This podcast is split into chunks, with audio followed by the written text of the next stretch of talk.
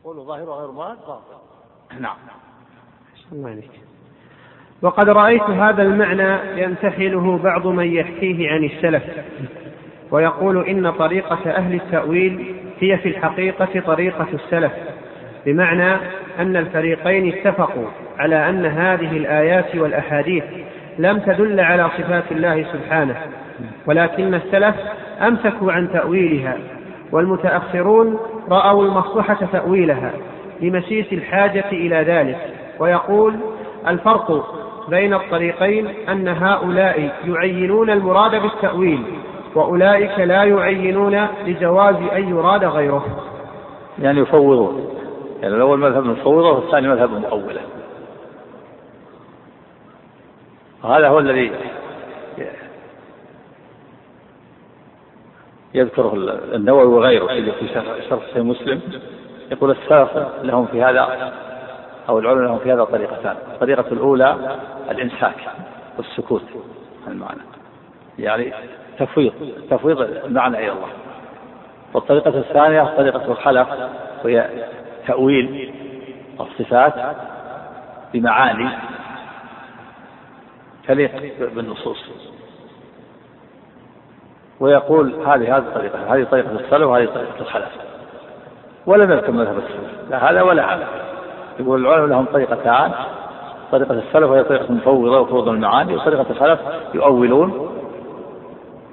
هذه طريقة السلف أسلم وهذه طريقة الخلف أعلم وأحكم. ولا يذكر مذهب السلف. لا هذا ولا هذا. ما ما ذكر مذهب السلف. هذا هذا طريقة هذا التأويل وهذا تفويض. كل منهما مذهب باطل هذا باطل وهذا باطل. وطريقة السلف غيرها السلف الصحابة والتابعون. إثبات المعاني. المعاني معروفة معاني النصوص معاني الصفات. لكن الكيفية هي اللي غير المعاني. هي اللي غير معلومة. الاستواء معناه الاستقرار والصعود والعلو والارتفاع. نعرف أن العلم ضد الجهل السمع ضد الصمم الحياة ضد الموت. معاني معروفة. كما قال الإمام مالك الاستواء معلوم والكيف مجهول والإيمان به واجب والسؤال عنه فبعض الآن الشراح كثير من الشراح يذكرون هذا المذهبين. يقول العلماء مذهبان يذكر مذهب مفوضة ومذهب مؤولة ولا يذكر مذهب نعم. وهذا القول على الإطلاق كذب صريح على السلف. إيش آية الكلام؟ وقد رأيت هذا المعنى ينتحله بعض من يحكيه عن السلف. قبل هذا. وإن كان الناقل نعم. إن كان الناقل عن السلف. نعم. وإن كان الناقل عن السلف أراد بقوله الظاهر غير مراد عندهم أن المعاني التي ظهرت من هذه الآيات والأحاديث مما يليق بجلال الله وعظمته لا يختص بصفة المخلوقين بل هي واجبة لله أو جائزة عليه جوازا ذهنيا أو جوازا خارجيا غير مراد فقد أخطأ فيما نقله عن السلف أو تعمد الكذب فما يمكن أحد قط أن ينقل عن واحد من السلف. ما يدل لا نصا ولا ظاهرا أنهم كانوا يعتقدون أن الله ليس فوق العرش ولا أن الله ليس له سمع وبصر ويد حقيقة. وقد رأيت هذا المعنى يمتحنه بعض من يحكيه عن السلف ويقول إن طريقة أهل التأويل هي في الحقيقة طريقة السلف. بمعنى أن الفريقين اتفقوا على أن هذه الآيات والأحاديث لم تدل على صفات الله سبحانه ولكن السلف أمسكوا عن تأويلها والمتأخرون رأوا المصلحة تأويلها لمسيس الحاجة إلى ذلك. ويقول الفرق أن هؤلاء يعينون المراد بالتأويل. وهم الخلف المتأخرون اللي يتأول المراد مثلا بالمحبة الإرادة. والمراد بالرحمة النعمة يعينون. والمراد بالغضب الانتقام والمراد بالرضا الثواب يعينون. وأولئك الأولون يمسكون ما العين أولئك فوضوا وهؤلاء حرروا نعم. ويقول الفرق أن هؤلاء يعينون المراد بالتأويل وأولئك لا يعينون لجواز أن يراد غيره. وهذا القول على الإطلاق كذب صريح على السلف. أما في كثير من الصفات فقطعا مثل أن الله فوق العرش. فإن من تأمل كلام السلف المنقول عنهم الذي لم يحك هنا عشره علم بالاضطرار أن القوم كانوا مصرحين بأن الله فوق العرش حقيقة وأنهم ما اعتقدوا خلاف هذا قط وكثير منهم قد صرح في كثير من الصفات بمثل ذلك. والله يعلم أني بعد البحث التام ومطالعة ما أمكن ما ذكر من النقول كثيرة ذكر مؤلف. هذا ما يأتي ولا ولا عشر ما يقع عشر. النقول كثيرة. نقل في هذه الفتوى. نقول كثيرة للعلماء. والنقول كثيرة لا حصر لكن هذا ما يأتي ولا ولا عشر. ولا عشر العشر كلام السلف كثير يعني نعم. والله يعلم. نعم. الله عنك والله يعلم أني بعد البحث التام ومطالعة ما أمكن من كلام السلف. ما رأيت كلام أحد منهم يدل لا نصا ولا ظاهرا ولا بالقرائن على نفي الصفات الخبرية في نفس الأمر. بل الذي رأيته أن كثيرا من كلامهم يدل إما نصا وإما ظاهرا على تقرير جنس هذه الصفات. ولا أنقل عن كل واحد منهم إثبات كل صفة بل الذي رأيته أنهم يثبتون جنسها في الجملة. وما رأيت أحدا منهم نفاها. وإنما ينفون التشبيه وينكرون على المشبهة الذين يشبهون الله بخلقه مع إنكارهم على من نفى الصفات. كقول نعيم بن حماد الخزاعي شيخ البخاري من شبه الله بخلقه فقد كفر ومن جحد ما وصف الله به نفسه فقد كفر وليس ما وصف الله به نفسه ولا رسوله تشبيها. وكانوا إذا رأوا الرجل قد أغرق في نفي التشبيه من غير إثبات الصفات قالوا جهمي معطل وهذا كثير جدا في كلامهم. وكانوا. وكانوا إذا رأوا الرجل قد أغرق في نفي التشبيه من غير إثبات الصفات. يعني غلع في نفي التشبيه. حتى أوصله هذا الغلو إلى إلى نفي الصفات. المعطلة غلوا في التنزيه حتى نفوا الصفات والمشبهة غلوا في الإثبات حتى شبه الله بخلقه. وهذا باطل وهذا باطل والمذهب الحق بين باطلين هو إثبات الصفات من غير تشبيه وتنزيه الرب عما تأتي المخلوقات من غير نفي الصفات ولا تعطيل الله تنزيه من غلو لا تغلو في هذا التنزيه حتى تصل إلى تعطيل الصفات. والإثبات تثبت الصفات ولا تغلو في هذا حتى تشبه إثبات بلا تمثيل وتنزيه بلا تعطيل نعم. وكانوا إذا رأوا الرجل قد أغرق في نفي التشبيه من غير إثبات الصفات قالوا جهمي معطل. وهذا كثير جدا في كلامهم. فإن الجهمية والمعتزلة إلى اليوم يسمون من أثبت شيئا من الصفات مشبها. كذبا منهم وافتراء. نعم التمثيل يجوز التمثيل ما في الصفات قال هذا مشبه. مثل الآن من نهى عن دعاء الرسول عليه الصلاة والسلام وعن الزيارة البدعية قال هذا ما يحب الرسول. هذا ما يحب الرسول. أو قال هذا وهابي. التنفيذ هذا وهابي هذا ما يحب الرسول. لينهى عن الشرك يقول هذا وهابي. وكان هؤلاء الذي ينهى عن التعطيل وينفي التعطيل يقول هذا هذا ما أسف الصفات. هذا ما ما نزه الله. هذا غير ما نزه الله. وهكذا. من باب التنزيه وما أثبت الصفات عند الجهمية والمعتزلة قالوا هذا مشبه. مشبه. قصد من ذلك تنفير الناس من إثبات الصفات. ليثبت ما أثبته الله ورسوله يسمى المشبه. نعم. فإن الجهمية والمعتزلة إلى اليوم يسمون من أثبت شيئا من الصفات مشبها كذبا منهم وافتراء حتى إن منهم من غلا ورمى الأنبياء صلوات الله وسلامه عليهم بذلك حتى قال ثمامة بن أشرف من رؤساء الجهمية ثلاثة من الأنبياء مشبهة موسى حيث قال إن هي إلا فتنتك وعيسى حيث قال تعلم ما في نفسي ولا أعلم ما في نفسك ومحمد حيث قال ينزل ربنا. هكذا. وصلت بهم الحال إلى هذا الحد. وصف الأنبياء بالتشبيه. ما بعد حاجة كان أنبياء الله مشبهة ثم أشهر قبحه الله. ثلاثة من الأنبياء مشبهة. رحمك الله. إن هي إلا ستتك. وعيسى حينما قال تعلم ما في نفسي ولا أعلم ما في نفسي. لا أثبت لله نفسه ومحمد حينما قال ينزل ربنا إلى سماء الدنيا. أثبت النزول. وهذا من صفات المخلوقين بزعمه. ولهذا هؤلاء والعياذ أكثرهم زنادقة بعضهم زنادقة. ولهذا تمنى بعضهم أن يحق آيات من القرآن. مثل بعض الجهل تمنى أن يحق الرحمن على العرش استوى. نسأل الله السلامة والعافية.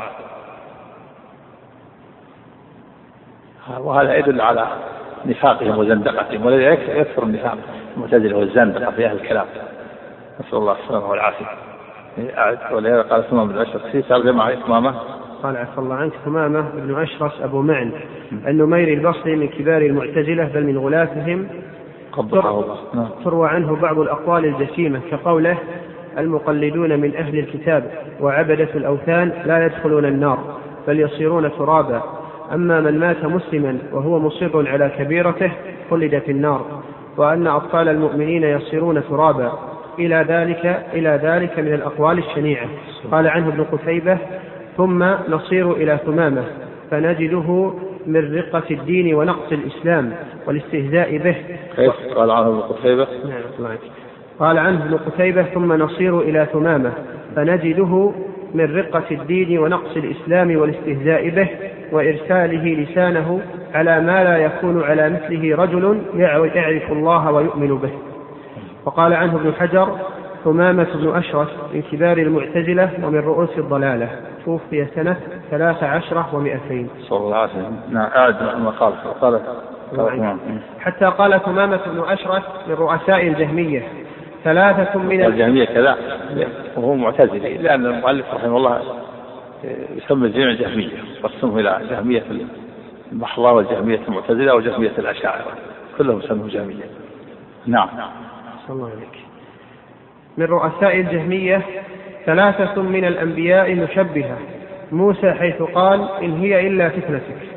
وعيسى حيث قال تعلم ما في نفسي ولا أعلم ما في نفسك. ومحمد حيث قال ينزل ربنا. وحتى إن جل المعتزلة تدخل عامة الأئمة مثل مالك وأصحابه والثوري وأصحابه والأوزاعي وأصحابه والشافعي وأصحابه وأحمد وأصحابه وإسحاق بن راهوية وأبي عبيد وغيرهم في قسم المشبهة حتى إن إيش؟ الله عنك حتى أن جل المعتزلة نعم. تدخل عامة الأئمة نعم. مثل مالك وأصحابه والثوري وأصحابه والأوزاعي وأصحابه والشافعي وأصحابه وأحمد وأصحابه وإسحاق بن راهوية وأبي عبيد وغيرهم في قسم المشبهة. نسأل الله العافية نعم. وقد صنف أبو إسحاق. إيه؟ الفتنة. والفتنة يعني أضافها إلى الله. ها؟ الفتنة يعني يقول أضاف الفتنة إلى الله. يعني إلا فتنتك. نعم. نعم. ها؟ إيش؟ نعم هو جهمية جهمية المعتزلة جهمية الأشاعرة وجهمية المحضة أو الجهمية الغالية. نعم. ها؟ نعم.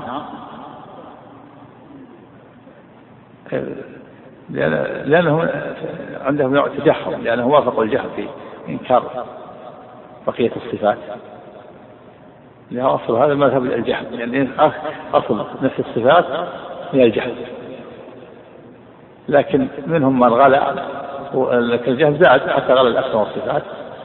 فمن أثبت الأسماء ونفى الصفات هذا عنده نوع تجحر ومن أثبت سبع صفات وأنكر سبع صفات نوع عنده نوع تجحر يعني قسم من من مذهب الجهل. فلهذا سمى تجحر جميع من أنكر سبع الصفات فيه نوع من التجحر يعني نوع من موافقة الجهل في مذهبه نعم. صلى الله عليه وقد صنف أبو إسحاق إبراهيم بن عثمان بن درباس الشافعي جزءا أسماه تنزيه أئمة الشريعة عن الألقاب الشنيعة فذكر فيه كلام السلف وغيرهم من معاني هذه الألقاب. وقد وقد ألف؟ وقد صنف أبو إسحاق إبراهيم ابن عثمان ابن درباس الشافعي جزءا أسماه. تنزيه أئمة الشريعة عن الألقاب الشنيعة وذكر فيه كلام السلف وغيرهم من معاني هذه الألقاب وذكر أن أهل البدع كل صنف منهم يلقب أهل السنة بلقب بلقب افتراه يزعم أنه صحيح على رأيه الفاسد كما أن المشركين كانوا يلقبون النبي صلى الله عليه وسلم بألقاب افتروها فالروافض تسميهم نواصب. وقد الروافض تسمي أهل السنة نواصب الروافض يكفرون الصحابة ويعبدون آل البيت. ويسمون أهل السنة نواصب يعني يقول لهم نصب العداوة لأهل البيت. هم كذبا أهل السنة يتولون يحبون أهل البيت ويحبون الصحابة جميعا. لكن لما كان أهل السنة يوالون الصحابة يسمون نواصب لأنهم يقولون لا ولا إلا ببراء هذه قاعدة عنها. لا لا يتولى أحد البيت إلا بأن يتبرأ من أبي بكر وعمر. فمن لم يتبرأ يسمون ناصب قال السنة لا يتبرؤون يوالون الصحابة ولا البيت يسمونهم نواصب هذه هذه الآن طريقة الروافض كل طائفة الآن تربي أهل السنة ب والنفاة يسمون أهل السنة مشبهة. يقول الأسماء والصفات معطلة يسمون السنة مشبهة. لأنهم يثبتون الأسماء والصفات. الروافض يسمون أهل السنة نوافض ليش؟ نواصب يعني يقول نصبوا العداوة لأهل البيت. لأنهم ولوا الصحابة. فاللي يوالي الصحابة لابد أن يعادي أهل البيت واللي يوالي أهل البيت ويوالي الصحابة هذا يسموه ناصب. يقول ما تصير ما ينتفع عن هذا الوصف إلا إذا تبرأ من الصحابة. تبرأ من الصحابة ما يصير ناصب. واللي يوالي الصحابة لابد أن يكون ناصب. ما يمكن يتولى أهل البيت والصحابة جميعا. عشان يقول نتولى هؤلاء جميعا. نحب أهل البيت ونحب الصحابة جميعا. ونوليهم جميعا. يقول لا هذا هذا نصب. أنتم ناصبة هذا من يعني طريقة أهل البدع أنهم يرمون أهل السنة في ينبذونهم بالعيوب والألقاب تنفيرا تنفيرا عن الحق حتى ينفروا الناس عن الحق. أعوذ بالله. نعم. قال لا يسبقون الروافض لأنهم فئات ها؟ لا الروافض فئة واحدة الشيعة لفئات الشيعة طبقات 24 طبقة. منهم الكافر ومنهم المؤمن على حسب الاعتقاد. فالزيدية هذا هؤلاء يفضلون علي على عثمان هؤلاء معتدلين مبتدعة لكن الروافض يسبون الصحابة ويكفرون الصحابة ويعبدون آل البيت ويزعمون أن القرآن صار ثلثين هذه طائفة رافضة طائفة طائفة. وأشد منهم المخطئة فوقهم المخطئة الذي يخطئون جبريل. يقول أخطأ في الرسالة وأوصلها إلى إلى محمد وقد أرسله الله إلى علي. هذا كفر. وفوقهم أيضا غلاة النصيرية الذين يعبدون على البيت آه يعبدون يؤلهون علي ويقول إن الله حل في علي. هذا النصيرية. أعظم بعض. نصيرية مخطئة في الغرابية والرافضة. وهناك فرق الزيدية. هذا أخف. نعم. الله إليك.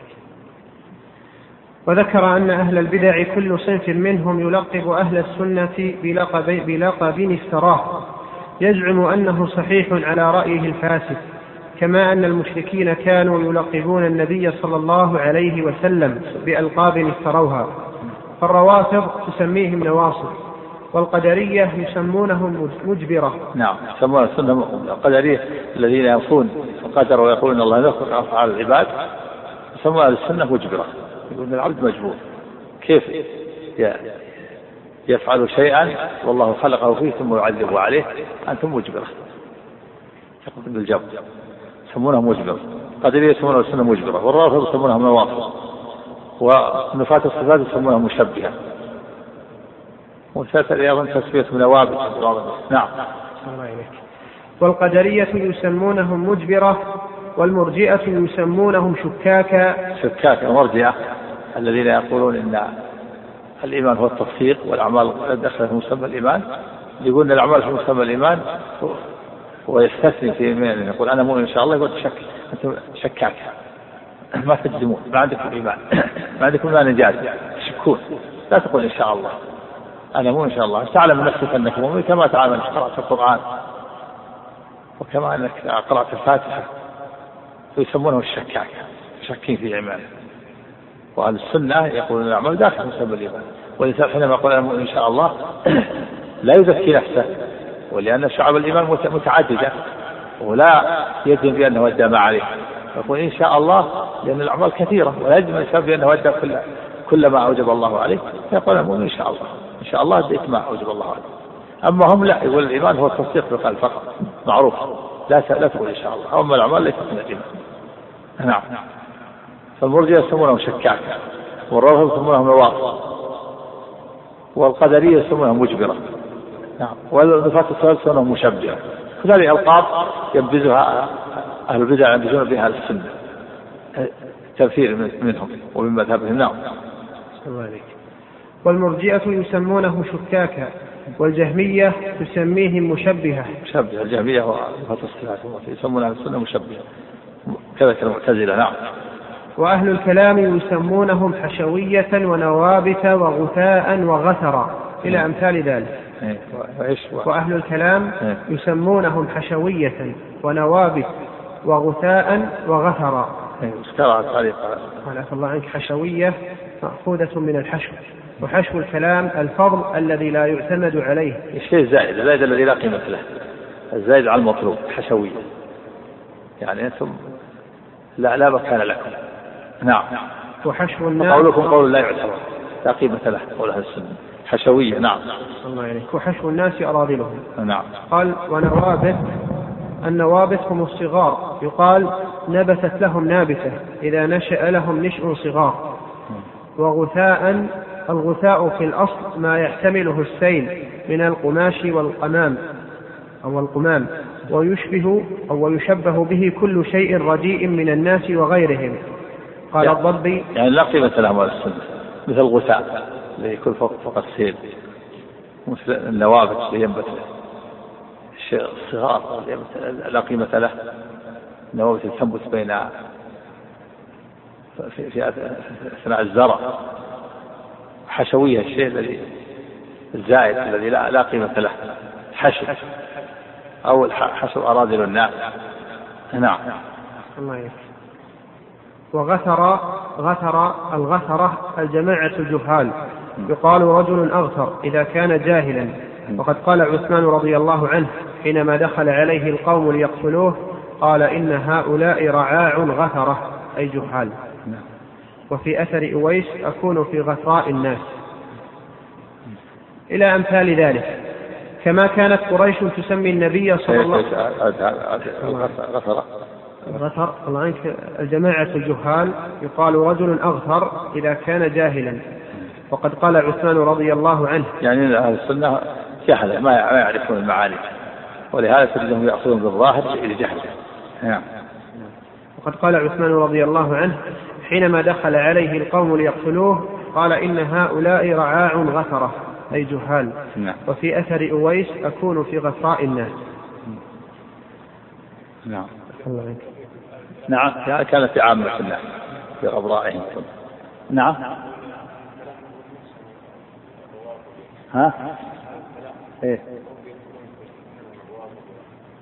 الكلام عام كانوا يتكلمون. في يحرفون ينفون الصفات يسمون أهل الكلام. يتكلمون يثبتون الصفات بالعقل والنظر والكلام. دون النظر إلى النصوص. نعم. دون اعتماد النصوص.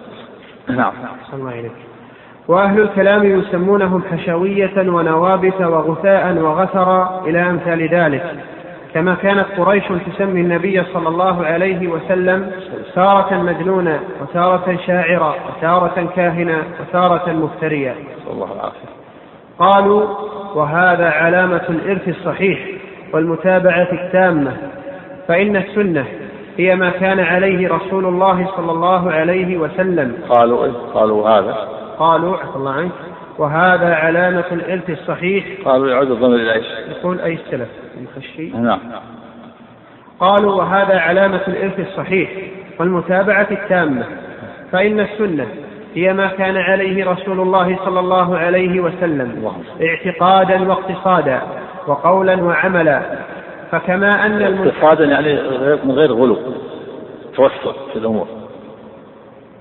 بخلاف غيرهم من من أهل البدع لأنهم إما غلوا وإما جحروا اقتصاد يعني توسط في الأمور لا غلا لا غلو ولا جفاء فالمعطلة غلوا حتى نفوا الصفات. والمشبهة جفوا حتى شبهوا صفات الله بصفات المخلوقين. وأهل السنة توسط اتصلوا اتصال. أثبتوا الصفات من غير مماثلة المخلوقات. ونزهوا من غير تعطيل هذا توسط اتصال هذا السنة اتصال. توسط. ليس فيه غلا ولا جفا نعم. هذه العبارة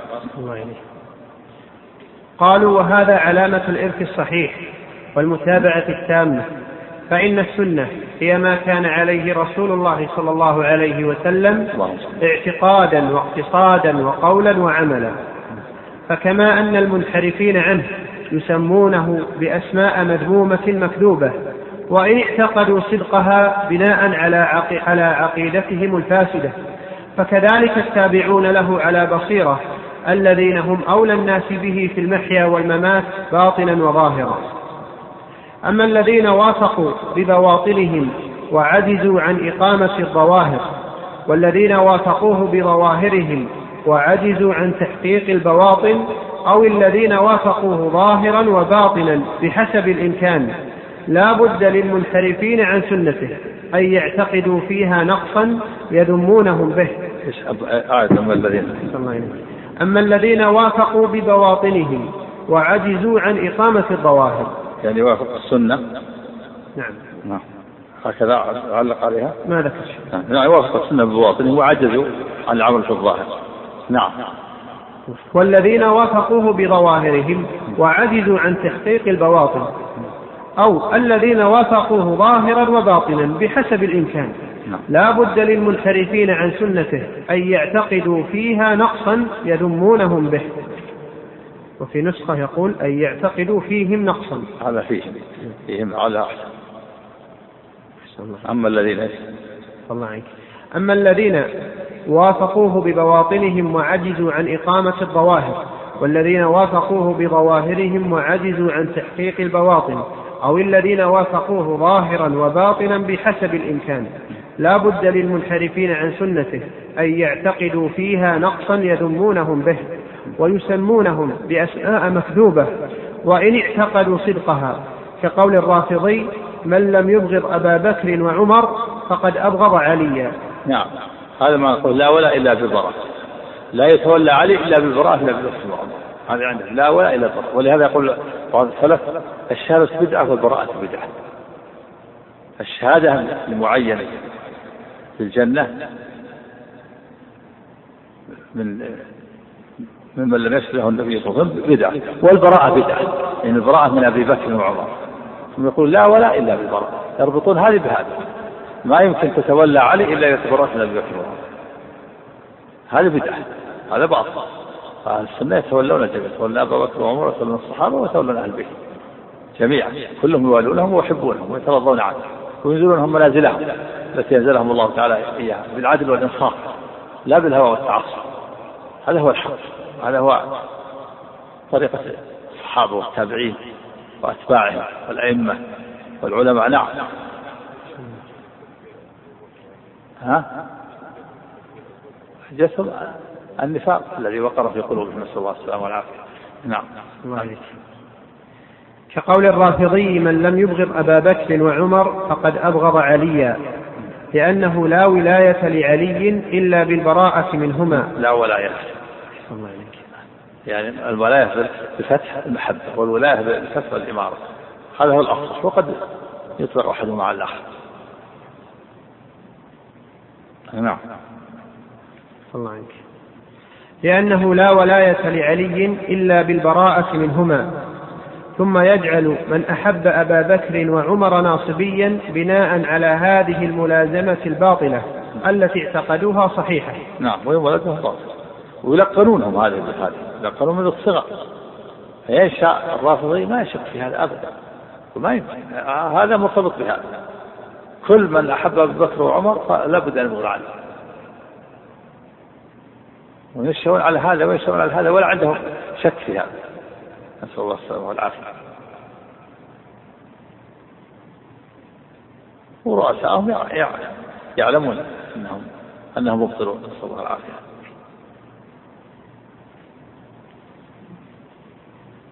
نعم. الله بناء على هذه الملازمة الباطلة التي اعتقدوها صحيحة أو عاندوا فيها وهو الغالب. نعم. اعتقدوها جهالا يعتقد أنها صحيحة. والمعاندون أكثر. الغالب على رؤسائهم وكبارهم العناد. بعض الجهال يعتقد أنها صحيحة. بعض الأتباع بعض الجهال الجهال بعض النساء والأطفال والذين نشأوا يعتقدونها صحيحة. وعامتهم أكثرهم يعاندون. نعم. وكقول القدري من اعتقد أن الله أراد الكائنات وخلق أفعال العباد فقد سلب العباد القدرة والاختيار وجعلهم مجبورين كالجمادات التي لا إرادة لها ولا قدرة. هذا قدري يقول هذا هو مجلس هذه الأمة هذه الأمة. يرون أن العباد خالقون أفعالهم. يقول من اعتقد أن الله خلق العباد وخلق أفعالهم؟ فقد سلب العباد قدرتهم واختيارهم. قد قال بالجبر يعني. من قال أن الله خلق أفعال العباد فقد قال بأنهم مجبورين. هذا باطل ما في ملازمة. فالمؤمنون أهل السنة والجماعة يقول أن الله تعالى خالق كل شيء. كما قال الله خالق كل شيء. خلق العباد وخلق أفعالهم.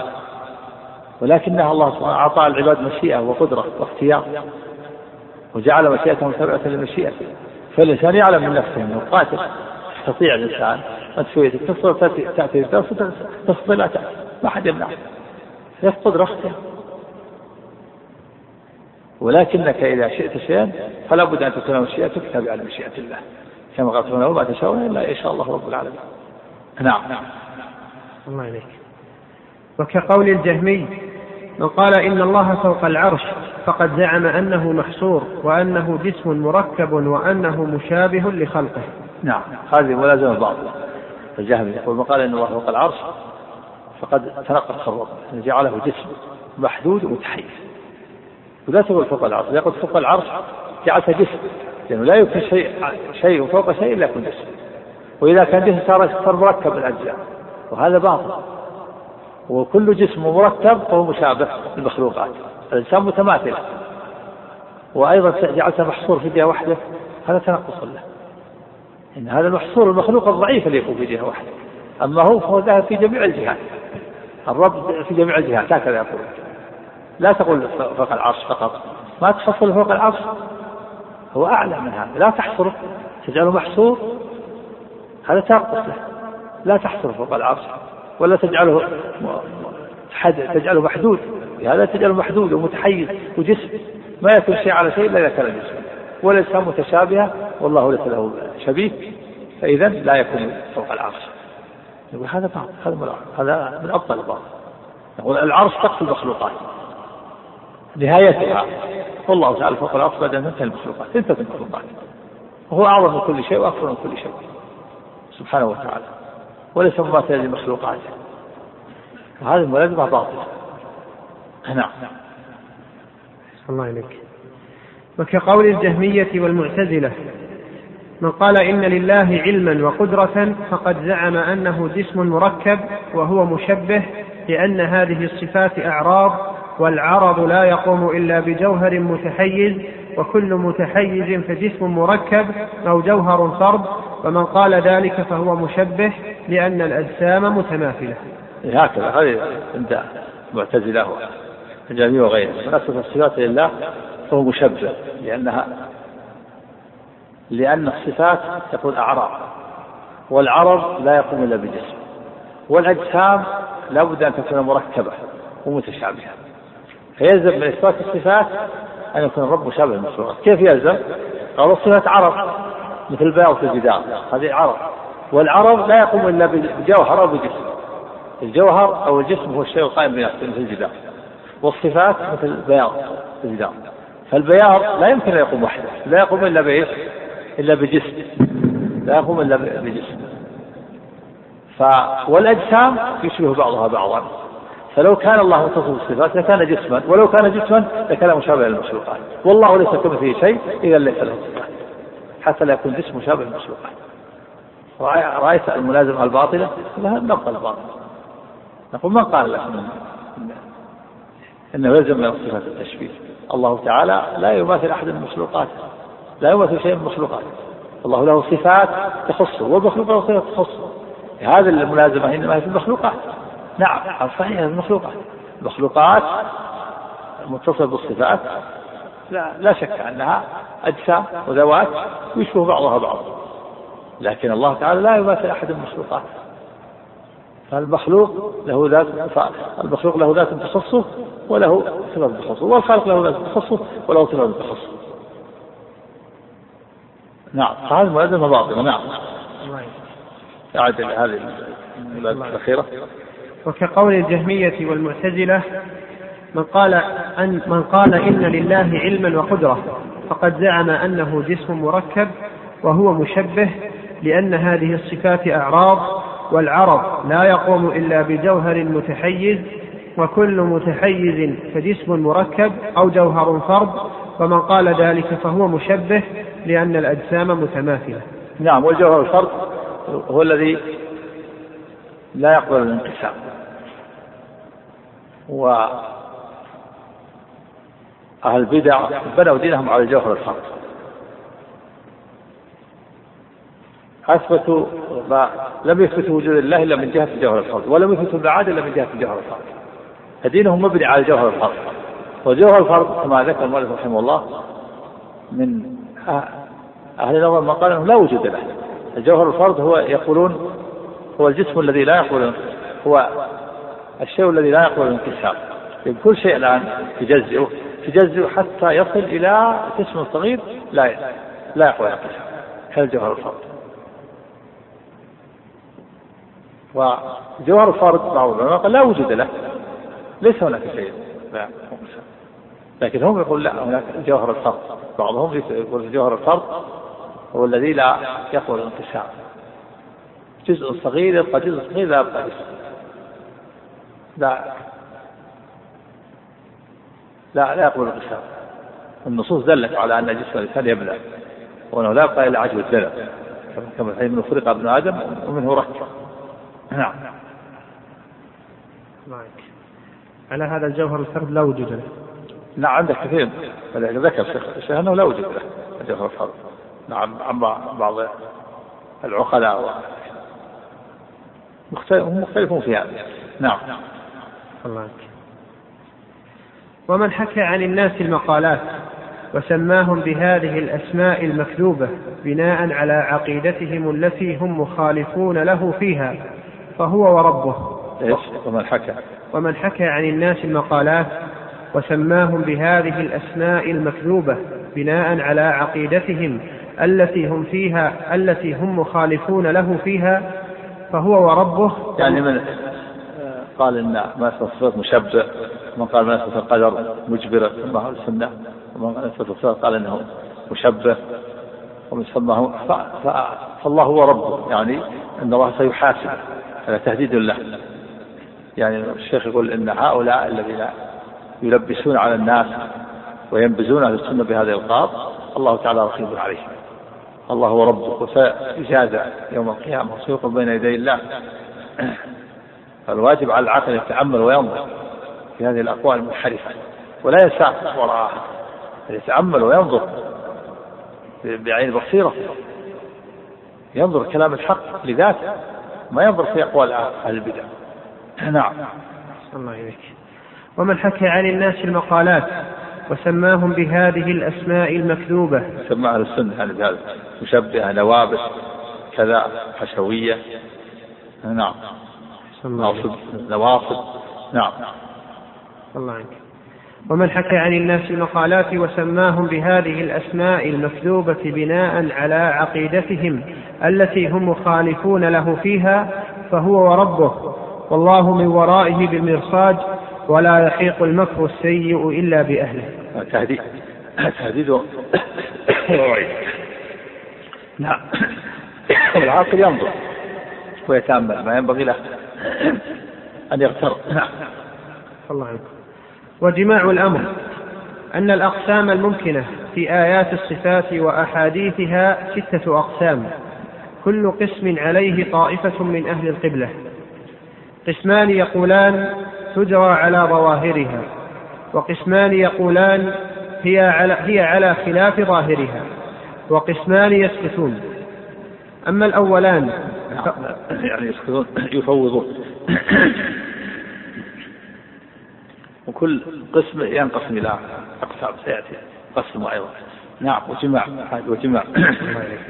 وجماع الأمر أن الأقسام الممكنة في آيات الصفات وأحاديثها ستة أقسام. نعم. كل قسم عليه طائفة من أهل القبلة. قسمان يقولان تجرى على ظواهرها وقسمان يقولان هي على خلاف ظاهرها وقسمان يسكتون. أما الأولان فقسمان أحدهما من يجريها على ظاهرها. من يقول تجرى على ظاهرها؟ أما الأولون الذي يقول تجرى على ظاهرها؟ نعم. الله عنك. أما الأولان أو الأولون هو شو عندك؟ هو كاتب الأولان. هي القسمة يقول القسمة الله عنك ها؟ ها؟ وفي بعض النسخ الأولون إيه. وفي بعض النسخ الأول. إيش؟ وجماع وجماع الأمر. وجماع الأمر. أن الأقسام الممكنة في آيات الصفات وأحاديثها ستة أقسام. نعم. كل قسم عليه طائفة من أهل القبلة. نعم. قسمان يقولان تجرى على ظواهرها. وكل قسم سيقسمها الآن. نعم. نعم. وقسمان يقولان هي على خلاف ظاهرها. وقسمان يسكتون. أما الأولان فقسمان. يعني اما القسمان الأولان. يصلح الأول. الأولان يعني أما القسمان الأولان. نعم.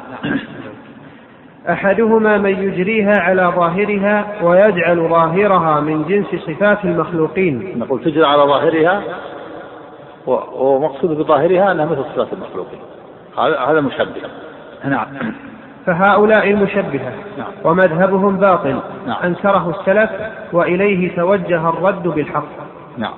هذا الأول يكون تجري على ظاهرها ومقصودهم بظاهرها. أن صفات الله من صفات المخلوقين. له سمع كالمخلوقين وبصر كبصره واستواء كاستوائه. هذا المشبه. تجرى على ظاهرها ومقصود بظاهرها مثل صفات المخلوقين. هذا باطل. نعم. الله عنك والثاني من يجري هذا مردود بالنصوص ليس كمثله شيء وهو السمع البصير. هل تعلم له سميا فلا تضربوا لله الأمثال. نعم لم يكن له كفوا أحد. كل هذا يعني هذا قول تبطل هذه النصوص. نعم. الله إليك. والثاني من يجريها على ظاهرها اللائق بجلال الله كما يجري ظاهر اسم العليم والقدير والرب والإله والموجود والذات ونحو ذلك. هؤلاء أهل الحق أهل السنة والجماعة. يجرونها على ظاهرها اللائق بجلال الله وعظمته يعني فالذين يقول تجرى على ظاهرها قسمان. قسم يفسرون الظاهر بصفات المخلوقين وهؤلاء هم مشبه وقسم يفسرون الظاهر بأنه ما يليق بجلال الله وعظمته لا نعلم الكيفية. هؤلاء هم الحق أهل السنة والجماعة. نعم. والثاني من يجريها على ظاهرها اللائق بجلال الله. كما يجري ظاهر اسم العليم والقدير والرب والإله والموجود والذات ونحو ذلك على ظاهرها اللائق بجلال الله. فإن ظواهر هذه الصفات في حق المخلوقين إما جوهر محدث وإما عرض قائم به. إيش فإن؟ فإن, فإن ظواهر هذه الصفات في حق المخلوقين نعم. إما جوهر محدث وإما عرض قائم به. نعم. الجوهر محدث يعني جسم محدث. أحدثه الله خلقه الله. وإما عرض قائم به صفة قائمة بالجسم. نعم. فالعلم والقدرة والكلام والمشيئة والرحمة والرضا والغضب ونحو ذلك في حق العبد أعراض. نعم. أعراض قائمة بجسمه أعراض قائمة بالجسم بالجسم المحدث. صفات إنسان وهو يغضب ويرضى ويقوم ويقعد ويتحرك. هذه صفات قائمة به بجسمه وجسمه حادث خلقه الله بعد أن لم يكن.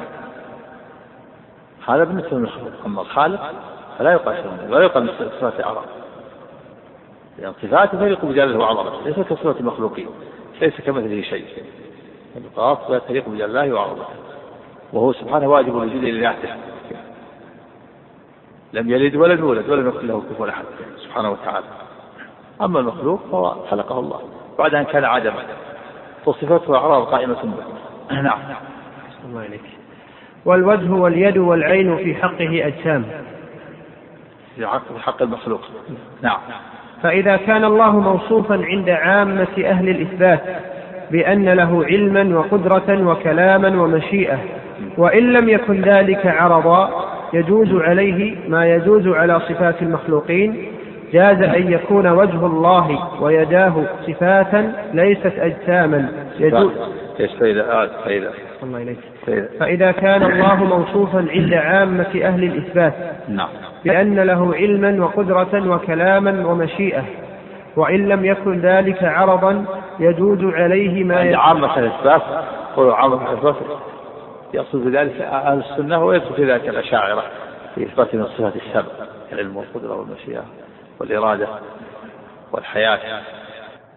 من فضلك اقلب الشريط.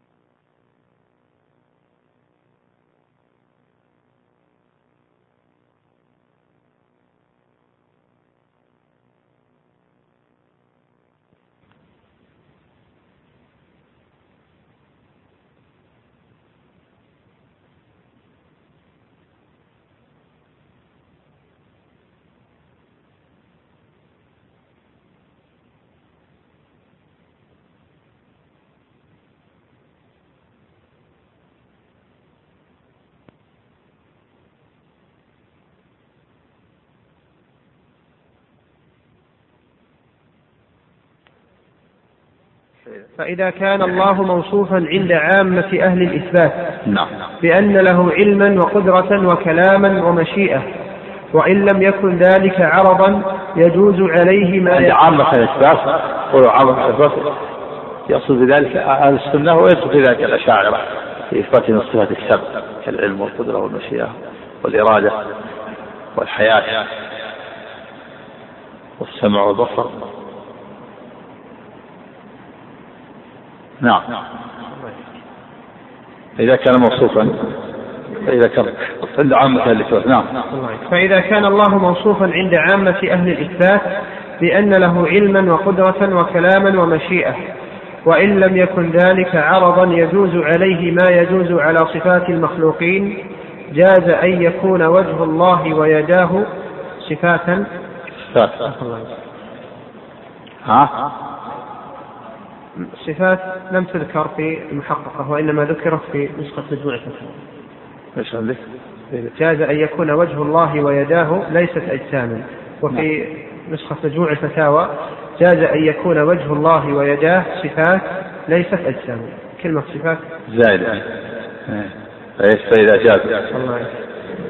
جاز أن يكون وجه الله ويداه فإذا كان طيب. الله فإذا كان الله موصوفا عند عامة أهل الإثبات بأن له علما وقدرة وكلاما ومشيئة وإن لم يكن ذلك عرضا يجوز عليه ما يجوز على صفات المخلوقين جاز أن يكون وجه الله ويداه صفات ليست أجساما يجوز عليها ما يجوز على صفات المخلوقين. نعم.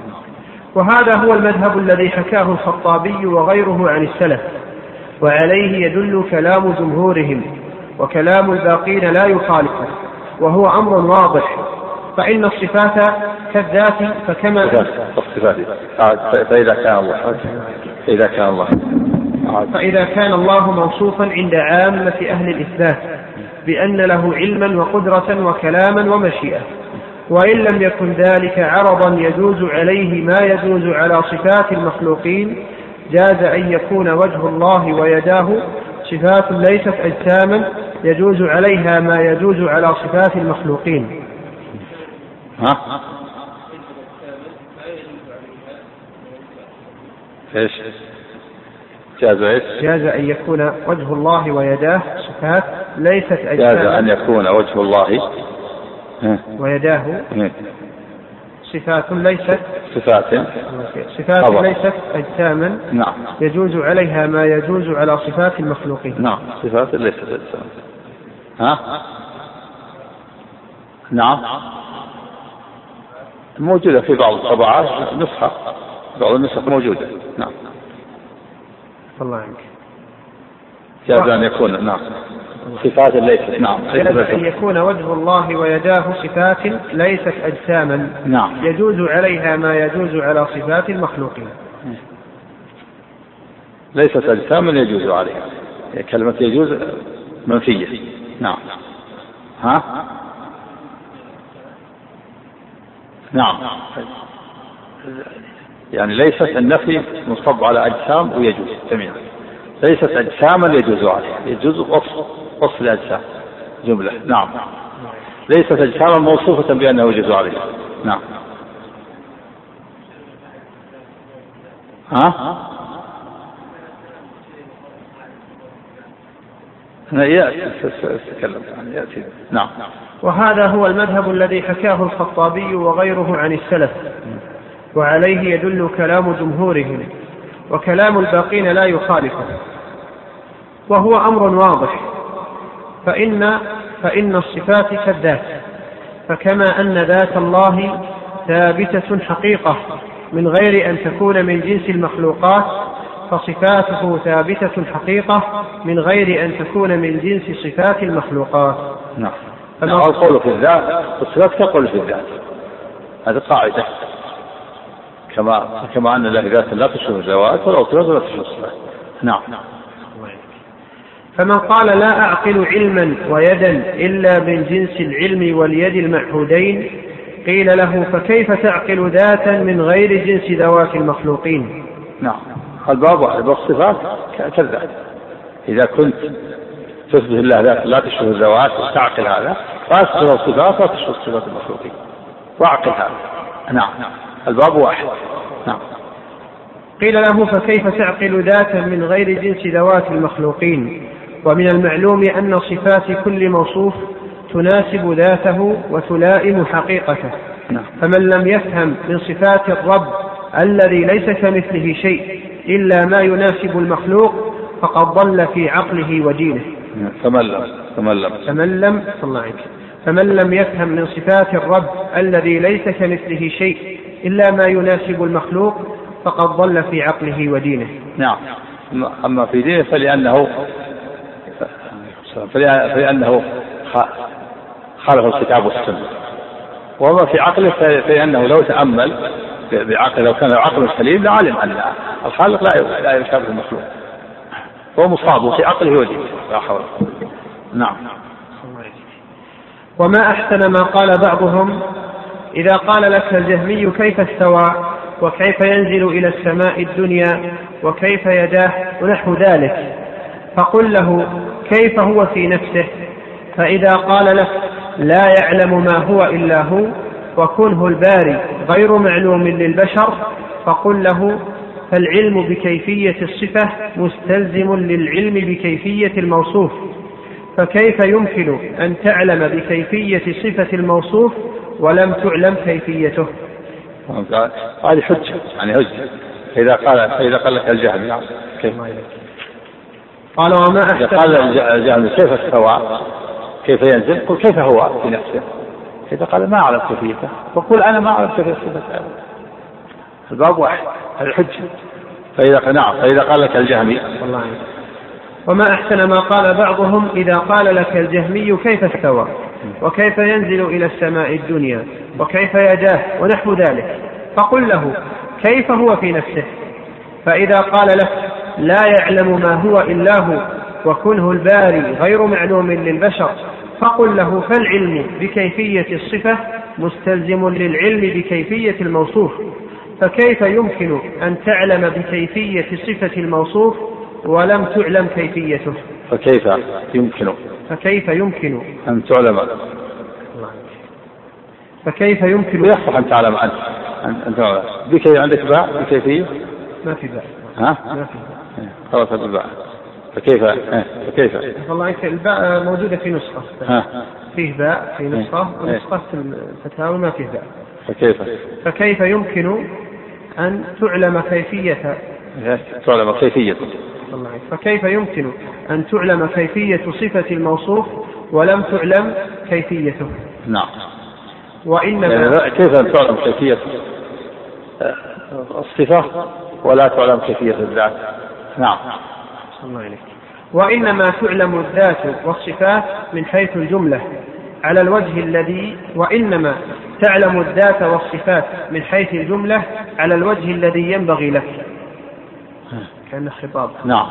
يصح الخطاب يصح كيف تعلم في الأول كيف تعلم الصفة وأنت لا تعلم الذات.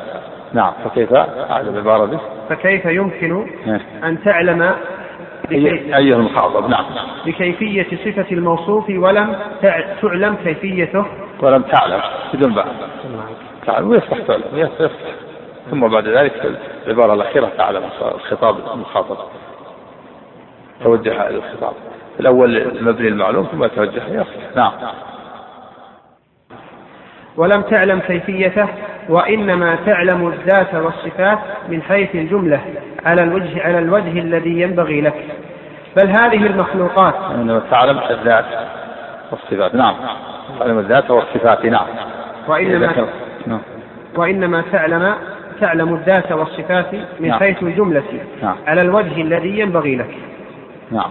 بل هذه المخلوقات في الجنة قد ثبت عن ابن عباس رضي الله عنهما أنه قال ليس في الدنيا مما في الجنة إلا الأسماء. نعم. الجنة فيها لبن فيها خمر فيها عسل فيها ذهب وفضة. ليست مماثلة لما نعلم في الدنيا. فيها نساء فيها حور. لكن فيه يعني أصل المعنى معروف. أصل المعنى معروف لكن الكن والكيفية على ما هي عليه لا نعلم. إذا كانت المخلوقات الآن لا بعضها لا نعلم كيفيتها فكيف يمكن أن تعلم كيفية صفات الخالق الجنة ما نعرف ما نعرف فيها لبن لكن هو مثل لبن الدنيا؟ ما هو مثل لبن الدنيا الكيفية والطعم والحقيقة. وإن كان نعلم أصل المعنى الخمر خمر الجنة ليس كخمر الدنيا العسل أنهار من العسل الدنيا ما فيها أنهار عسل مصفى وهكذا. بل الروح التي بين جنبي الإنسان الآن جميع الناس تدرس الروح لكن لا تعلم تعلم كيفية الروح. ما تعلم كيفية ولا كلها ولا حقيقة على ما هي عليه. ويسألونك عن الروح قل الروح من أمر ربي وما أوتيتم من العلم إلا قليلا فإذا كانت الروح التي بين جنبك ما تعلم كنها ولا كيفيتها فكيف يمكن أن تعلم كيفية الصفات صفات الخالق؟ وحقيقتها على ما هي عليه. لا يعلم كيفيتها إلا هو سبحانه وتعالى. نعم. الله إليك. وقد أخبر الله أنه لا تعلم نفس ما أخفي لهم من قرة أعين. وأخبر النبي صلى الله عليه وسلم اللهم أن في الجنة ما لا عين رأت ولا أذن سمعت ولا خطر على قلب بشر. فإذا كان نعيم الجنة وهو خلق من مخلوقات الله كذلك فما الظن بالخالق سبحانه وتعالى؟ نعم. إذا كان لا تعلم نعيم الجنة على ما هو عليه. ولا يدرك الإنسان كيفيتها وكنها فالخالق أولى أولى أن لا يعلم الإنسان كيفية صفاته وكنها ذاته سبحانه وتعالى. نعم. وهذه الروح التي في بني آدم قد علم العاقل اضطراب الناس فيها وإمساك النصوص عن بيان كيفيتها أفلا يعتبر العاقل بها عن الكلام في كيفية الله تعالى؟ واضطرب أهل الكلام فيها منهم من قال صفة من صفات بني آدم منهم من قال هي الحياة ومنهم من قال هي الدم ومنهم من قال كذا اضطربوا فيها كلام كثير اضطراب وكما قال الله ويسألونك عن الروح قل الروح من أمر ربي وما أوتيتم من العلم إلا قليلا فإذا كان لا يعلم كنها وكيفيتها فكيف يمكن أن يعلم كن هي كنها الصفات وكيفيتها؟ نعم. الله إليك أفلا يعتبر العاقل بها عن الكلام في كيفية الله تعالى؟ مع أننا نقطع بأن الروح في البدن وأنها تخرج منه وتعرج إلى السماء وأنها تسل منه وقت النزع كما نطقت بذلك النصوص الصحيحة. يعني توصل بالقبض والإمساك. الله يتوفى الأنفس حين موتها والتي لم تمت في منامها. فيمسك التي قضى عليها الموت ويرسل الأخرى. توصل بالقبض توصل بالقبض والإمساك والإمساك والتوفي. الله يتوفى الأنفس. هذه صفات لها. نعم. تدل على أنها ذات الله أعلم بكيفية إيش؟ نعم. صلى الله عليك مع أن نقطع ب فإذا كان. الله عليك أفلا يعتبر العاقل؟ أفلا يعتبر العاقل بها عن الكلام في كيفية الله تعالى؟ مع أننا نقطع بأن الروح في البدن وأنها تخرج منه وتعرج إلى السماء وأنها تسل منه وقت النزع. مع أننا نقطع. نعم نعم مع أننا نقطع بأن الروح في البدن وأنها تخرج منه وتعرج إلى السماء وأنها تسل منه وقت النزع كما نطقت بذلك النصوص الصحيحة. لا نغالي في تجريدها غلو المتفلسفة ومن وافقهم. يقول الروح لا تصل بأي وصف والملائكة مجرد مجرد لا داخل العالم ولا خارجه ولا فوق ولا تحت. بس الروح بهذا معنى مجرد لا لا وجود لها. وكذلك الملائكة. يقول هذه مجردات لا داخل العالم ولا خارج هذا غلو. وبعضهم يزيد ويقول هي نفس الدم هي نفس دم الإنسان هي نفس الصفات هي نفس الحياة. كل هؤلاء وهؤلاء كلهم قالوا قولا لا علم لهم به. نعم. الله عليك لا نغالي في تجريدها غلو المتفلسفة ومن وافقهم حيث نفوا عنها الصعود والنزول والاتصال بالبدن والانفصال عنه وتخبطوا فيها حيث رأوها من غير جنس البدن وصفاته. فعدم مماثلتها للبدن لا ينفي أن تكون الصفات ثابتة لها بحسبها. نعم فعدم. فعدم مماثلتها للبدن لا ينفي أن تكون الصفات ثابتة لها بحسبها. إلا أن يفسروا كلامهم بما يوافق النصوص فيكونون قد أخطأوا في اللفظ وأنى لهم بذلك. فعدم مماثلتها الله عليك. فعدم مماثلتها للبدن لا ينفي أن تكون الصفات ثابتة لها بحسبها. نعم. إلا أن يفسر يعني كون ما تماثل البدن ما ينفي تكون لها صفات. لها صفات تناسبها لكن لا لا نعلم. لا كن ولا حقيقة ولا صفة تناسبها. مثل ما وصفت النصوص. وصفت بأنها بالتوفي وصفت بالقبض والإمساك والإرسال الله يتوفى الأنفس حين موتها فيمسك التي قضى على الموت ويرسل الأخرى. إن الروح إذا قبض تبعه البصر صفة القبض. هذه كلها يدل على أنها حقيقة وأنها أن الروح حقيقة وأن ذات الحقيقة الله أعلم بكونها وكيفيتها نعم. فعدم مماثلتها للبدن لا ينفي أن تكون الصفات ثابتة لها بحسبها إلا أن يفسروا كلامهم بما يوافق النصوص فيكونون قد أخطأوا في اللفظ وأنى لهم بذلك. نعم. إذا فسروا يوافق النصوص طيب. طيب. هناك سقط عفى الله عنك في النسخة المحققة أكثر من خمسة أسطر عجيب. إيه، مجموع الفتاوى. ما ولا كتب في في الحاشية نعم. عجيب نعم. قال شيخ الإسلام ولا نقول إنها مجرد جزء من أجزاء البدن كالدم والبخار مثلا. مثل كما يقول بعض البدع. العبارة السابقة إيش؟ قبلها؟ قبلها عفى الله عنك. يقول إلا أن يفسروا كلامهم. قبل السطرين الله عنك. قال وأنها تخرج منه وتعرج إلى السماء. قال عفى عنك لا نغالي في تجريدها غلو المتفلسفة ومن وافقهم حيث نفوا عنها الصعود والنزول والاتصال بالبدن والانفصال عنه وتخبطوا فيها حيث رأوها من غير جنس البدن وصفاته. فعدم مماثلتها للبدن لا ينفي أن تكون هذه الصفات ثابتة لها بحسبها. ثابتة. ثابتة لها بحسبها إلا أن يفسروا كلامهم بما يوافق النصوص نعم. فيكونون قد أخطأوا في اللفظ وأنى لهم بذلك نعم. ولا نقول إنها مجرد جزء من أجزاء البدن كالدم والبخار مثلا أو صفة من صفات البدن والحياة وأنها مختلفة الأجساد ومساوية لسائر الأجساد في الحد والحقيقة كما يقول طوائف من أهل الكلام بل نتيقن أن الروح عين موجودة غير البدن نعم. وأنها ليست مماثلة له. بل نتيقن الله إليك بل نتيقن أن الروح عين موجودة غير البدن. عين موجودة. صفة. ويصح أن تكون إيش؟ عين. أن الروح بل نتيقن أن الروح نعم عين موجودة. نعم موجودة. نعم. خبر.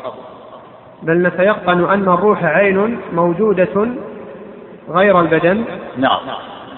يعني آه، ذات ذات غير البدن لكنها جسم لطيف ولا منافاة الجسم اللطيف في دخوله في الجسم الكثيف. مثلا الماء يمشي في العروق في الشجر لأنه جسم لطيف. هذا جسم هذا جسم والدم كذلك جسم في جسم. والنار تسري في الفحم وفي الحطب وهي جسم في جسم. نعم. الله بل نتيقن أن الروح عين موجودة غير البدن وأنها ليست مماثلة له وهي موصوفة بما نطقت به النصوص حقيقة لا مجازا فإذا كان مذهبنا في حقيقة الروح وصفاتها بين المعطلة والممثلة فكيف الظن بصفات رب العالمين؟ فإذا كان فإذا كان مذهبنا في حقيقة الروح وصفاتها بين المعطلة والممثلة فكيف يعني بين المعطلة الذين عطلوا الروح من الصفات وبين الممثلة من مثلوها بالبدن وجعلوها مثل البدن. نحن لا نوافقهم لا نوافق هؤلاء ولا نوافق منهم من عطل الروح وقال إنها مجردة وإنها لا داخل العالم ولا خارجة ولا كذا. وصفها بالمجردات ومنهم من غلا وصفها وقال هي نفس الدم وهي كذا. ونحن نقول لها بين هؤلاء وبين هؤلاء بين المعطله والممثله وكذلك في صفات الرب نحن بين المعطله والممثله لا نوافق المعطلة في تعطيلهم ولا نوافق الممثلة مشبهه في تشبيههم. بل نثبت الصفات لله عز وجل كما يقول بجلاله وعظمته مع نفس الكيفية. نعم فإذا كنا إيه؟ فإذا كان مذهبنا في حقيقة الروح وصفاتها بين المعطلة والممثلة. وسط يعني. وسط بين المعطلة والممثلة نعم. فكيف الظن بصفات رب العالمين؟ قال عفى الله عنك وأما القسمان اللذان ينفيان ظاهرها أعني الذين أو اللذين.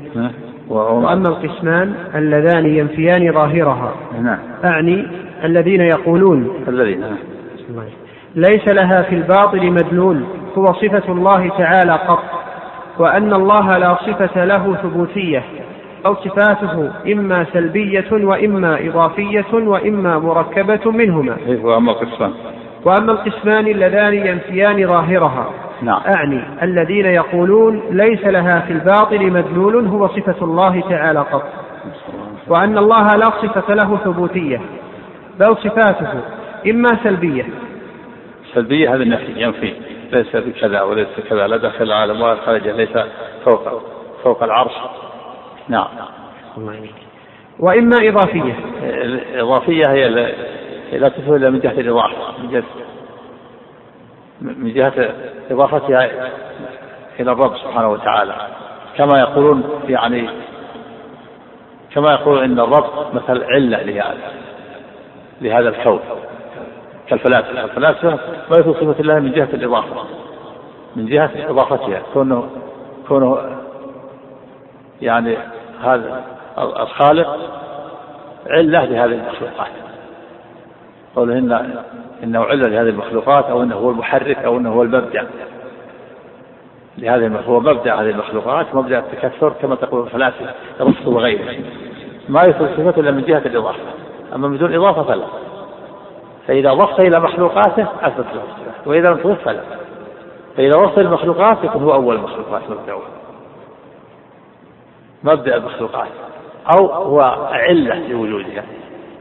وما عدا ذلك فلا يثبتون أو مركبة مركبة من هذا وهذا.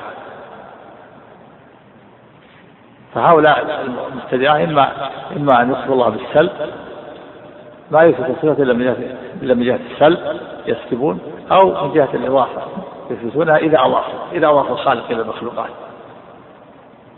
أو مركب وهو مركب من هذا وهذا من النفي والإضافة. هؤلاء ما أثبتوا صفات الله نفوا الصفات. ما يثبتونها إلا إما سلوك أو إضافات أو تركيب. نعم. إليك قال بل صفاته إما سلبية وإما إضافية وإما مركبة منهما أو يثبتون بعض الصفات بعض الصفات السبعة أو الثمانية أو الخمس عشرة. العشائر بعض الصفات سبع صفات أو الخمس عشرة أو بعضهم يزيد على هذا. أو إيش أو يثبتون؟ ما هو الصواب أن يقول سبع؟ إيش؟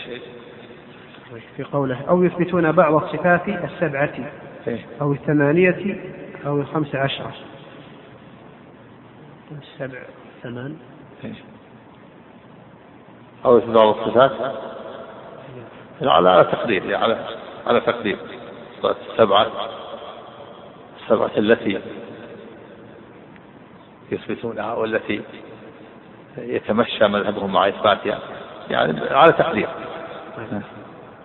على تقدير مضاف نعم. أو تقدير موصوف نعم. نعم. أحسن الله إليك. أو يثبتون بعض الصفات السبعة أو الثمانية أو الخمس عشرة أو يثبتون الأحوال دون الصفات. الأحوال التي لا وجود لها. هذه من الأشياء المحالة هذه حالة كل شيء له حال هذه من الأشياء التي يعني من الأشياء المعدومة.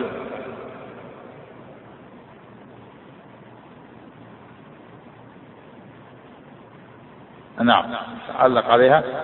قال عفى الله عنك وهذا مذهب أبي هاشم. الجبائي نعم عبد السلام بن محمد الجبائي أحد كبار المعتزلة وإليه تنسب فرقة البهشمية من فرق المعتزلة. وأبو هاشم أول من قال بأن الصفات أحوال وقد أثبت الأحوال من الأشاعرة إمام الحرمين الجويني والباقلاني. قال الآمدي والأحوال عبارة عن صفات إثباتية غير متصفة بالوجود ولا بالعدم. لا لا وجود لها يعني هذه خيال. ما تثبت إلا في الذهن. تثبت في الذهن هذه الأحوال وقد أثبت إيش؟ الله قال الآمدي والأحوال عبارة عن صفات إثباتية غير متصفة بالوجود ولا بالعدم وقد يمكن أن يعبر عنها بما به الاتفاق والافتراق بين الذوات. وعرفها الإيجي بأنها الواسطة بين الموجود والمعدوم. إيش؟ الأول. الله عليك. قال الآمدي إيه؟ والأحوال عبارة عن صفات إثباتية غير متصفة بالوجود ولا بالعدم وقد يمكن أن يعبر عنها بما به الاتفاق والافتراق بين الذوات. وهذه لا وجود لها إلا في الذهن. نعم. وعرفها الإيجي بأنها الواسطة بين الموجود والمعدوم. وأما الشهر الثاني فقد ذكر أنه ليس للحال حد حقيقي يذكر حتى تعرف بحدها وحقيقتها على وجه يشمل جميع الأحوال وقال بل لها ضابط وحاصر بالقسمة. إيش؟ واما وأما وأما الشهر الثاني نعم. فقد ذكر أنه ليس للحال حد حقيقي يذكر حتى تعرف بحدها وحقيقتها على وجه يشمل جميع الأحوال. وقال بل لها ضابط وحاصر بالقسمة وهي تنقسم إلى ما يعلل وإلى ما لا يعلل. وما يعلل فهي أحكام لمعان قائمة بذوات وما لا يعلل فهو صفات ليس أحكاما للمعاني. وقال ابن حزم وأما الأحوال التي ادعتها الأشعرية فإنهم قالوا إنها هنا أحوالا ليست حقا ولا باطلا ولا هي مخلوقة ولا غير مخلوقة ولا هي موجودة ولا معدومة ولا هي مجهولة ولا معلومة ولا هي أشياء ولا هي لا أشياء. إيش تكون؟ هذا العدد هذا العدد وقالوا من هذا ومن هذا علم العالم بأن له علما. مثل قولهم. لا داخل العالم ولا خارجه ولا فوقه ولا تحته ولا مبين له ولا محيط له ولا متصل به ولا متصل به. هكذا الجهمية متأخرون يصفون الرب بهذا. يقول رب لا داخل العالم ولا خارجه. مش شيء لا داخل العالم وخارجه يكون لا وجود له. ولا فوقه ولا تحته ولا متصل به ولا متصل عنه. ولا مداخل ولا محايد. لا وش يكون؟ هذا لكن يقول لا يمكن يمكن يوجد شيء لا دخل على خارجه ما هو؟ يقول البنوة. البنوة ما هي؟ البنوة لا دخل على خارجه البنوة نسبة الابن إلى أب والأبوة كذلك. هذا من باب المغالطة. نعم. قال ذلك ثم أسلم أبو محمد في الرد عليهم وعد هذا سفسطة وهذيانا محضا وقد أشكلت على العلماء أحوال أبي هاشم هذه وجهلوه بها وشنعوا عليه. يقول البغدادي في كلامه على هذه الأحوال وزعم أن الله عالم لكونه على حال قادر لكونه على حال. وزعم أنه لكونه عالما بكل معلوم حالا دون بكل معلوم حالا دون الحال التي لأجلها كان عالما بالمعلوم الآخر. وكذلك لكونه قادرا على المقدور حال لا يقال أنها الحال التي لكونها عليها كان قادرا على المقدور الآخر. المقصود هذه المحالات ثلاثة معروفة. طفرة النظام وكسب الأشعري وأحوال أبي هاشم الجبائي. هذه هذه المحالات الثلاث اللي لا وجود لها. كسب الأشعري. الأشعري يقول العبد لا لا قدرة له. والله تعالى هو الخالق ثم يثبت كسبا. كيف لا قدرة له وله كسب؟ غير معقول هذا كسب الأشياء غير معقول وقال بهاشم المؤلف بين في التدمرية أن الأحوال لا وجود لها وإنما وجود لها في الذهن. نعم. قال أو يثبتون الأحوال دون الصفات كما عرف من مذاهب المتكلمين فهؤلاء قسمان. قسم يتأولونها ويعينون المراد مثل قولهم استوى بمعنى استولى أو بمعنى علو المكانة والقدر. أو هذول مؤول يحرفون هذول يحرفون النصوص نعم. الله إليك. مثل قولهم استوى بمعنى استولى أو بمعنى علو المكانة والقدر أو بمعنى ظهور نوره للعرش. نعم. أو مثل مثل استوى بمعنى استولى أو بمعنى؟ أو بمعنى علو المكانة والقدر. نعم. أو بمعنى ظهور نوره للعرش. أو بمعنى انتهاء الخلق إليه. إلى غير ذلك من معاني المتكلفين. وقسم يقولون الله أعلم بما أراد بها لكننا نعلم أنه لم يرد إثبات صفة خارجة عما علمنا. نعم. يعني يقولون الله أعلم بما أراد بها مع أنهم يجزمون بأنها بنفي المعنى الحق. يقول نجزم بأن الله لم يتصف بصفات حقيقة لكن ما ندري. ظاهر غير مراد لكن نجزم بأنه لا يتصف بصفات حقيقة. نسأل الله العافية. نعم. فوضون لكن مع نفسه بالمعنى الحق. نعم. وأما القسمان الواقفان فقسم يقولون يجوز أن يكون المراد ظاهرها الأليق هذا هذا المتوقفين. شوف القسم اللي قبله يقول مع أن إيش؟ ما يقول لكن نعلم أنه لم يريد إثبات صفة خارجة عما علمنا. نعم. هذا اللي قبل. ثم قالوا مع أن إيش؟ لم لم لم مع لكننا نعلم أنه لم يرد إثبات صفة خارجة عما علمنا. إيه.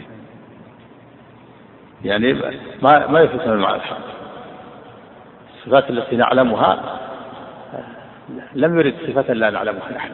يعني لم يرد صفات الحق التي اتصل بها كما يقول جل وعلا نعم. وأما القسمان الواقفة الواقفة عاد هذا قسمان توقفوا نعم.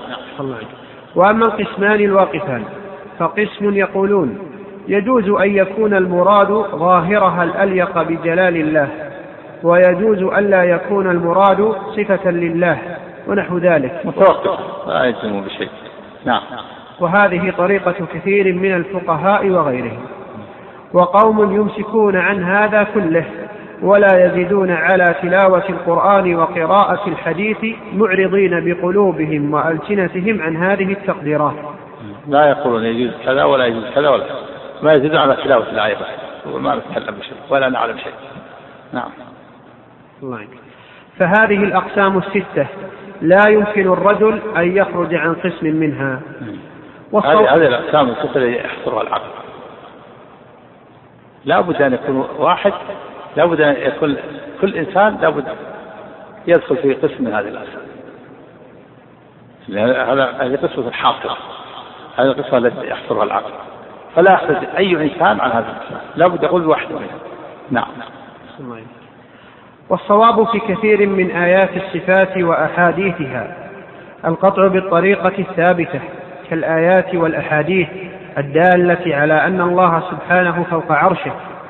وتعلم طريقة الصواب في هذا وأمثاله. الصواب في كثير الله نعم. والصواب في كثير من آيات الصفات وأحاديثها. القطع بالطريقة الثابتة كالآيات والأحاديث الدالة على أن الله سبحانه فوق عرشه. وتعلم طريقة الصواب في هذا وأمثاله بدلالة الكتاب والسنة والإجماع على ذلك دلالة لا تحتمل النقيض. وفي بعضها قد يغلب على الظن ذلك مع احتمال النقيض. وتردد المؤمن في ذلك هو بحسب ما يؤتاه من العلم والإيمان. ومن لم يجعل الله له نورا فما له من يعني نور. في كثير من الآيات واضح من آيات العلو وآيات السمع السمع والبصر والعلم والقدرة لكن في بعضها قد تشكل بعضها ولهذا قال والصواب في كثير. والصواب والصواب في كثير. والصواب في كثير من آيات الصفات وأحاديثها. القطع بالطريقة الثابتة. كالآيات والأحاديث الدالة على أن الله سبحانه فوق عرشه وتعلم طريقة الصواب في هذا وأمثاله بدلالة الكتاب والسنة والإجماع على ذلك دلالة لا تحتمل النقيض.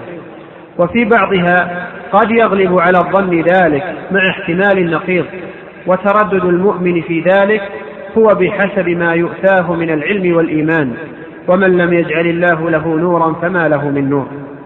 ومن اشتبه عليه ذلك أو غيره. فليدعو. نعم ومن اشتبه عليه ذلك أو غيره فليدع بما رواه مسلم في صحيحه. عن عائشة رضي الله عنها قالت كان رسول الله صلى الله عليه وسلم إذا قام من الليل يصلي يقول اللهم رب جبرائيل وميكائيل وإسرافيل. فاطر السماوات والأرض عالم الغيب والشهادة أنت تحكم بين عبادك فيما كانوا فيه يختلفون. اهدني لما اختلف فيه من الحق بإذنك إنك تهدي من تشاء إلى صراط مستقيم.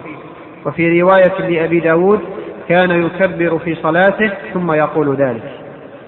فإذا افتقر العبد إلى الله ودعاه وأدمن النظر في كلام الله وكلام رسوله صلى الله عليه وسلم وكلام الصحابة والتابعين وأئمة المسلمين انفتح له طريق الهدى.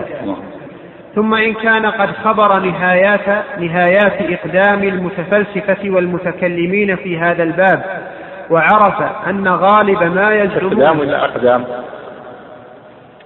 إقدام ذكر الإقدام في نسخة. ها؟ في نسخة الإقدام ونسخة إقدام. طيب. الله ثم؟ ثم إن كان قد خبر نهايات نهايات إقدام المتفلسفة والمتكلمين في هذا الباب. وأن نهايته الحيرة والاضطراب وأن حار طربوا وأن تمنى كثير منهم أن يموت على عقيدة العجائز. قال يا ليتني أموت على عقيدة أمي. قال بعضهم يا ليتني أموت على عقيدة عجائز من أبوه وهم كبار من كبار المتكلمين. لكن حصل الحيرة والشك واضطراب نسأل الله العافية. نعم. الله إليك ثم إن كان قد خبر نهايات إقدام المتفلسفة والمتكلمين في هذا الباب وعرف أن غالب ما يزعمونه برهانا هو شبه أو هو شبهة. ورأى أن غالب ما يعتمدونه يؤول إلى دعوى لا حقيقة لها أو شبهة مركبة من قياس فاسد أو قضية كلية لا تصلح إلا جزئية. ورأى ورأى. الله عليك.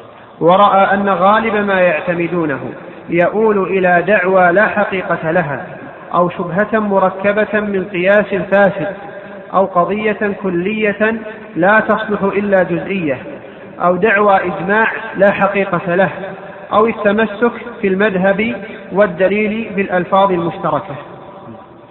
ثم يتمسك بمذهب أو يتمسك إما يتمسك بمذهب أو يتمسك بدليل لكن بلفظ مشترك يشمل ويشمل غيره. نعم. الله عليك.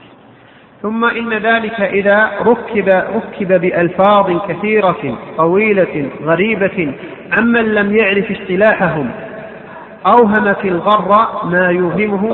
الغر الله عليك يعني الإنسان ضعيف البصيرة الذي ما عنده تمعن في الأمور. الغر اللي يغتر. نعم. الله عنك أوهم في الغر ما يوهمه السراب للعطشان. ازداد إيمانا وعلما بما جاء به الكتاب والسنة فإن الضد يظهر حسن يظهر حسن الضد وكل من كان بالباطل أعلم كان للحق أشد تعظيما وبقدره أعرف إذا هدي إليه. وكل الله عنك. وكل من كان وكل من كان بالباطل أعلم كان للحق أشد تعظيما وبقدره أعرف إذا هدي إليه. فأما المتوسط من المتكلمين فيخاف عليه ما لا يخاف على من لم يدخل فيه وعلى من قد أنهاه نهايته فإن من لم يدخل فيه هو في عافية ومن أنهاه قد عرف الغاية فما بقي يخاف من شيء فما بقي يخاف من شيء آخر. نعم يوصل النهاية أصل إلى التعطيل الكامل انتهى. والذي ما دخل هذا في عافية. لكن اللي في الوسط. هذا هو اللي خطر خطر يصل إلى الغاية هذا خطر يصل إلى الهلاك. نعم. أحسن الله عليك. نعم. قال عفى الله عنك. فما بقي يخاف من شيء فما بقي يخاف من شيء آخر. فإن فأما المتوسط من المتكلمين فيخاف عليه ما لا يخاف على من لم يدخل فيه من لم يدخل فيه. نعم. وعلى من قد أنهاه نهايته فإن من لم يدخل فيه هو في عافية ومن أنهاه قد عرف الغاية فما بقي يخاف من شيء آخر. فإن ظهر له الحق وهو عطشان إليه قبله. وأما المتوسط فمتوهم بما تلقاه من المقولات من المقالات المأخوذة. هذا إيش هذا؟ الله عنك. فإن ظهر له الحق نعم. وهو عطشان إليه قبله. نعم. وأما المتوسط فمتوهم بما تلقاه من المقالات المأخوذة متوهم؟ نعم. بالهاء بالهاء نعم. فمتوهم وفي نسخة فيتوهم. بالحاء ولا بالهاء؟ بالهاء توهم نعم. وأما المتوسط فمتوهم بما تلقاه من المقالات المأخوذة تقليدا لمعظمه تهويلا وفي نسخة لمعظمه هؤلاء. وقد قال بعض الناس أكثر ما يفسد الدنيا نصف متكلم ونصف متفقه ونصف متطبب ونصف نحوي. نحوي. ونصف نحوي. هذا يفسد الأديان. وهذا يفسد البلدان يفسد الأديان يفسد المتفقه فقيه أنصاف الفقهاء. يفسد الأديان. ما ما وصل إلى يفسد الأديان. يفتي على غير البصيرة نصف فقيه. يعني ما بلغ عليه يظن أنه, أنه عنده علم. فيفسد الأديان. والطبيب كذلك يفسد الأبدان. نصف متوسط ما بلغ ما بلغ الطب النهاية تعلم. توسط وظن أنه أنه طبيب سمى نفسه طبيب فيفسد الأبدان ها؟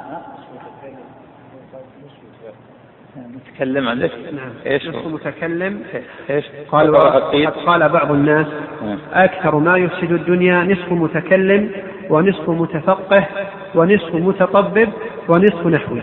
نعم. هذا يفسد الأديان هذا المتفقه نعم. وهذا يفسد البلدان وهذا أو المتكلم لكن ذاك يفسد العقائد. وهذا يفسد إيش؟ المتوقع والمتكلم يفسد إيش؟ يفسد الأديان. نعم. وهذا يفسد البلدان. هذا النحو. لا. إيش؟ المتفقه يفسد البلدان. إيش؟ قال عفى الله عنك. عندك متكلم ومتفقه أكثر ما يفسد الدنيا نصف متكلم نعم. ونصف متفقه. ونصف متطبب ونصف نحوي. نعم. هذا يفسد الأديان. المتكلم نعم. وهذا يفسد البلدان. المتفقه وهذا يفسد الأبدان. المتطبب نصف المتطبب وهذا يفسد اللسان. اللسان النحو نصف النحو الله عليك. ومن علم أن المتكلمين من المتفلسفة وغيرهم هم في الغالب في قول مختلف يؤفك عنه من أفك. يعلم الذكي منهم والعاقل. أنه ليس هو فيما يقوله على بصيرة وأن حجته ليست بينة وإنما هي كما قيل فيها حجج تهافت كالزجاج تخالها حقا وكل كاسر مكسور. ويعلم العليم البصير كل واحد راد ومردود عليه. هناك من يرد عليه ويبطل مذهبه وهو يرد على غيره ويرد عليه وهو مردود عليه أيضا. كل كاسر مكسور. نعم. الله عليك. ويعلم العليم البصير بهم أنهم من وجه مستحقون ما قاله الشافعي رضي الله عنه حيث قال حكمي في أهل الكلام أن يضربوا بالجريد والنعال ويطاف بهم في القبائل والعشائر ويقال هذا جزاء من ترك الكتاب والسنة وأقبل على الكلام. يعني ينظر بمنظرين منظار إذا نظر أنهم أنها عرض على الكتاب والسنة وأنهم أقبلوا على الكلام يستحقون التأديب والضرب كما قال الإمام الشافعي رحمه الله. الضرب بالجريد والنعال والتأديب ومنظار آخر ينظر إليهم بعين الرحمة والشفقة أنهم مبتلوا وأنهم مصابوا فنسأل الله لهم الهداية نسأل الله ولهم الهداية. فالإنسان ينظر بهذا المنظر نظر الرحمة يرحمهم لأنهم مبتلون ولأنهم آه، ابتلوا بهؤلاء الأئمة وهؤلاء الشيوخ الذين أضلوهم. ومن جهة ينظر إليهم لأنهم عرضوا على الكتاب والسنة ومحتاجون إلى تأديب وزد ينظر إليهم بالمنظرين. نعم. الله إليك. الله ومن وجه آخر إذا نظرت إليهم بعين القدر والحيرة مستولية عليهم والشيطان مستحوذ عليهم رحمتهم ورفقت عليهم وأوتوا ذكاء وما أوتوا زكاء وأعطوا فهوما وما أعطوا علوما وأعطوا سمعا وأبصارا وأفئدة فما أغنى عنهم سمعهم ولا أبصارهم ولا أفئدتهم من شيء إذ كانوا يجحدون بآيات الله وحاق بهم ما كانوا به يستهزئون. ومن كان عليما بهذه الأمور تبين له بذلك حذق السلف وعلمهم وخبرتهم حيث حذروا عن الكلام ونهوا عنه وذموا أهله وعابوهم وعلم أن من ابتغى الهدى في غير الكتاب والسنة لم يزدد من الله إلا بعدا. فنسأل الله العظيم أن يهدينا الصراط المستقيم صراط الذين أنعم عليهم غير المغضوب عليهم ولا الضالين. آمين. والحمد لله رب العالمين وصلاته وسلامه على محمد خاتم النبيين وآله وصحبه أجمعين. بارك الله فيك. تأمل جزا الله فضيلة الشيخ خير الجزاء. وجعلنا الله وإياكم ممن يستمعون القول فيتبعون أحسنه. وتقبلوا تحيات إخوانكم في تسجيلات الراية الإسلامية بالرياض. والسلام عليكم ورحمة الله وبركاته.